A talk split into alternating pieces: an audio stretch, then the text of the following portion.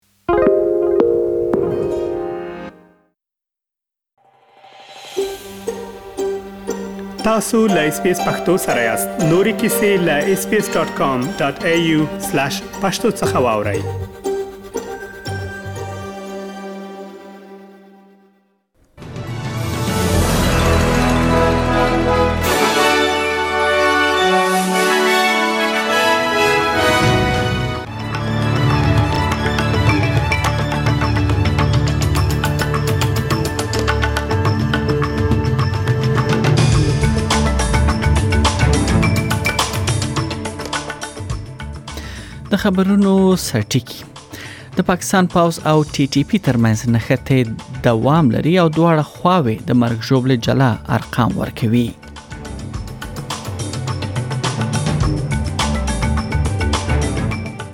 بلخوا د اوکراین پولیس وایي د کیف په سیمه کې د روسي ځواکونو له وتلو وروسته تر نهه سوه ډېر مړي موندل شوي دي.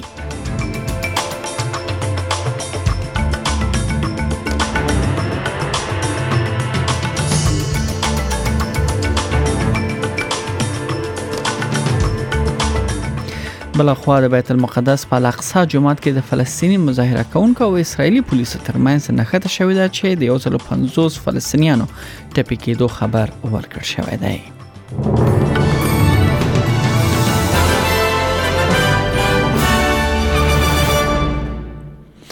دا هم بشپړ خبرونه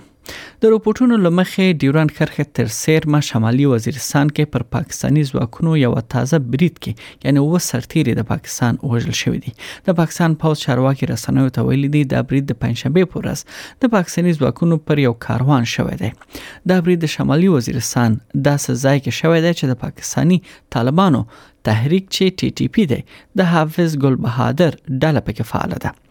تر دې یو ورځ وړاندې شمالي وزیرستان په شام او میر علي خدي سیمو کې د پاکستان طالبانو دوه جلا بریدونو کې دوه سرتیري وژل شوي ول بل خبر بیا له افغانستان څخه دی د امریکا دفاع وزارت یا پنتاګون ویلي دی چې افغانستان ته یو له ځنګړې شوی چولکې اوکراین ته ورکوي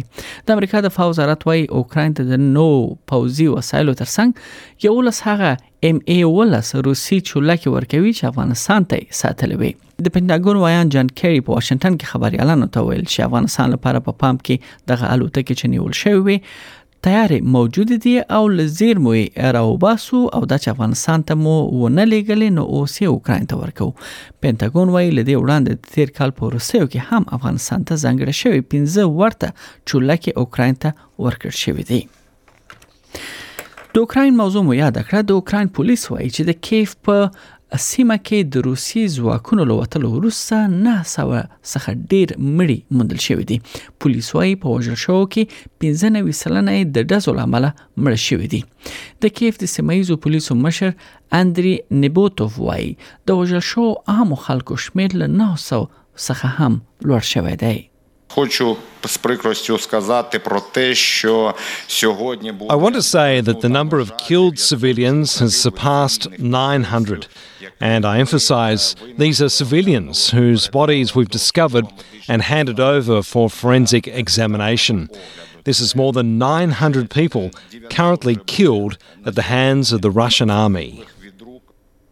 او د اوکراین په شمال ختیځ سومي سیمه کې د یو ښارګوټي اوسیدونکو وایي چې دوی د چارواکو لخوا په یو سیمه کې د ډلېز خبرونو موندلو په اړه تحقیقات کوي چې د روسي ځواکونو لخوا دغه سیمه په خواني ول شوې و د روسي پوسټ تروسانت ښارګوټي شاوخوا یو میاش دغه ښارګوټي دوی نیولې وو خالوال یوري بووا وایي دوی په سیمه کې د ډلېزو خبرونو ترڅنګ لګ تلګه 50 مړي موندلې دي بو точных данных немає, багато пропало. We don't have exact information, but a lot of people are missing. Right now, we're trying to find out if they're imprisoned or dead. We're finding mass graves, and it's not clear who dug them. An exhumation will take place. At the moment, there are at least 50 dead.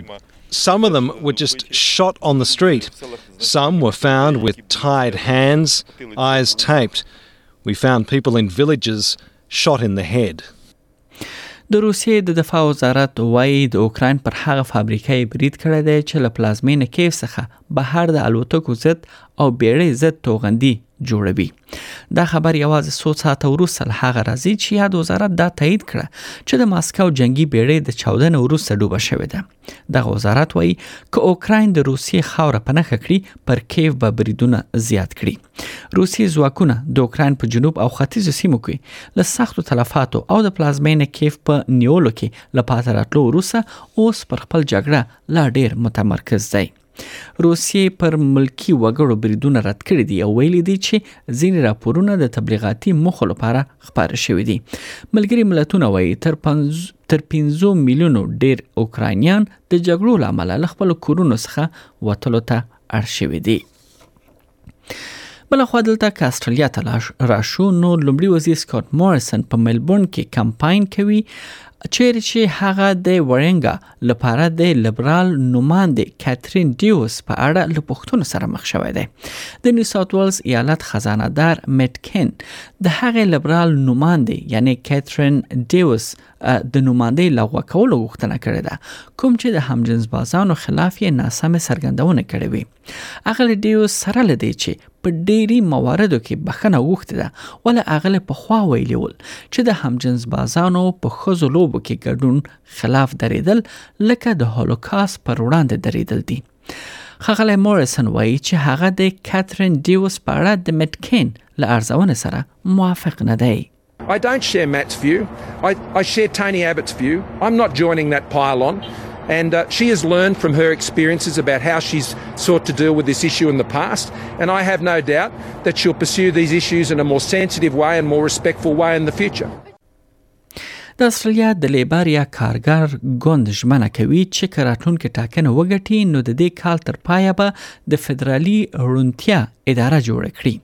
سکاټ مارسن ژمنه کړې و چې د 2019 کال په ټاکنو کې به دا ډول اداره جوړه کړي مګر د هغه حکومت لا تر اوسه واده شوی قانون پارلمان ته نه دی وړاندې کړی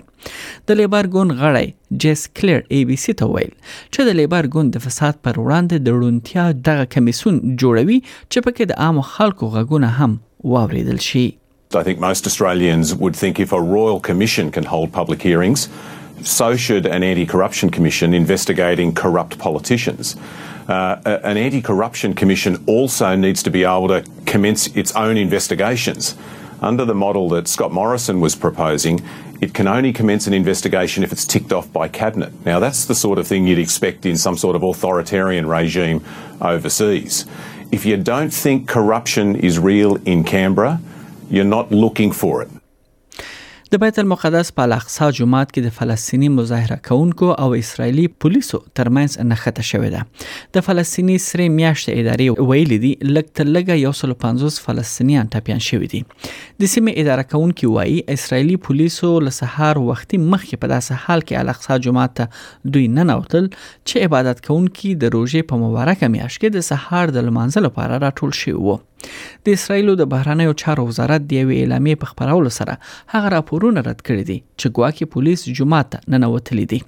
تر اوسه معلومه نه ده چې دغه توتریخواله وله پیل شو خو اسرایلی پولیس وایي چې دوی سیمه ته هغه مهال ننوتل چې یوې ډلې فلسطینیانو د لویدیز دیوال تر سیرمه د یهودانو د عبادت ځای په لور د ډبرو ګذرونه پیل کړل دا په سیمه کې د توتریخوالی یو بل زیاتوالی دی ځکه چې جمعات په هغه ځای کې موقعیت لري چې د يهودانو لخوا د عبادت ځای په توګه او هم د مسلمانانو لخوا د لوی مقدس ځای په توګه دغه سیمه او یا دغه جمعات پیژندل کیږي بلخوا د بریتانیا حکومت رواندا ته د یو شمیر پناهغښتونکو د لیګلو تړون لاسلیک کړی دی د بریتانیا د اپوز... د حکومت اپوزیسیون سیاستوال او د مهاجرونو پلوي ډلو دا معامله غیر عملی او غیر انساني بلله ده لومړي وزیر بوریس جانسن ومنله چې دا پلان به احتمالا په محکمه کې له ننګونې سره مخ شي خو هغه زیاته کړه چې حکومت نشي کولای په دې اړه له فرانسې او اروپאי ټولنې سره یوې موافقې ته انتظار وباسي We've made repeated and generous offers to our French friends, and we will continue to press them and the EU for the comprehensive returns agreement that would solve this problem. But we must have our own framework for full sovereignty over our borders, and we must find a way to stop these boats now, not lose thousands more lives while waiting for a deal that just doesn't exist. د خلکو قاچاغبرانو د اوګدې مودې لپاره د بریتانیا او فرانسې ترمنځ د بریتانوي چینل څخه کار اخیستی دی هغوی هڅه کوي چې له همدې لارې خلک بریتانیا ته ورسوي تیر کال تر 28 زره ډیر کسان په وړو کښتیو کې بریتانیا ته ننوتل چې په 2020 کال کې دغه شمیر 8500 ته لوړ شوی و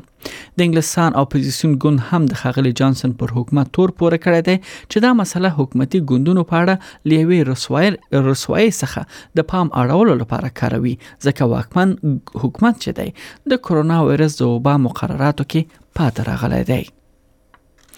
او روسي خبردار چې د امریکا د متحده ایالاتو د استخباراتي ادارې یا سی ای مشر وایي چین د اوکران پر وړاندې د ولادمیر پوتین په تیری کې یو خاموش ملګری دی د سی ای مشر ویلیام برنز وایي چین تر ټولو ژوره آزموینه ده چې دا اداره ورسره مخامخ شوې ده A silent partner in Putin's aggression, Xi Jinping's China is our greatest challenge, in many ways the most profound test that CIA has ever faced. The People's Republic of China is a formidable competitor, lacking in neither ambition nor capability. It seeks to overtake us in literally every domain, from economic strength to military power and from space to cyberspace. Its rise has been remarkable.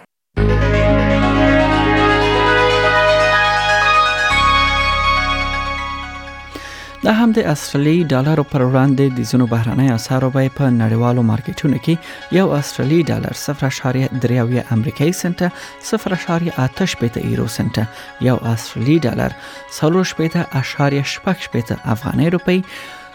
او هم دغه یو اصلي ډالر شپږ 50.15 سلويخ هندۍ روپی 2.1 اویا اماراتي درهم او 0.55 انګلیسي پنس ارزښت لري او یو اصلي ډالر یو سل سلور دیش اشاریه وویش پاکستاني روپی هم ارزښت لري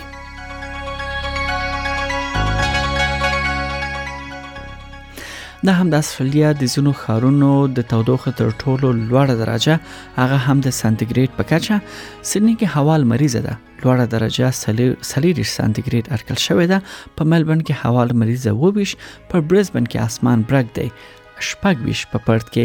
هوا لمریزه ده 15 ویش په اړه لري کې هوا لمریزه دیرش په هوبر کې اسمان برګ شل په کمبيرا کې هوا لمریزه ده درویش او په اخر کې داروین هلته هوا باراني او هم د طوفان اټکل دی او د تودوخ تر ټولو لوړه درجه 40 سانتیګریډ اټکل شوې ده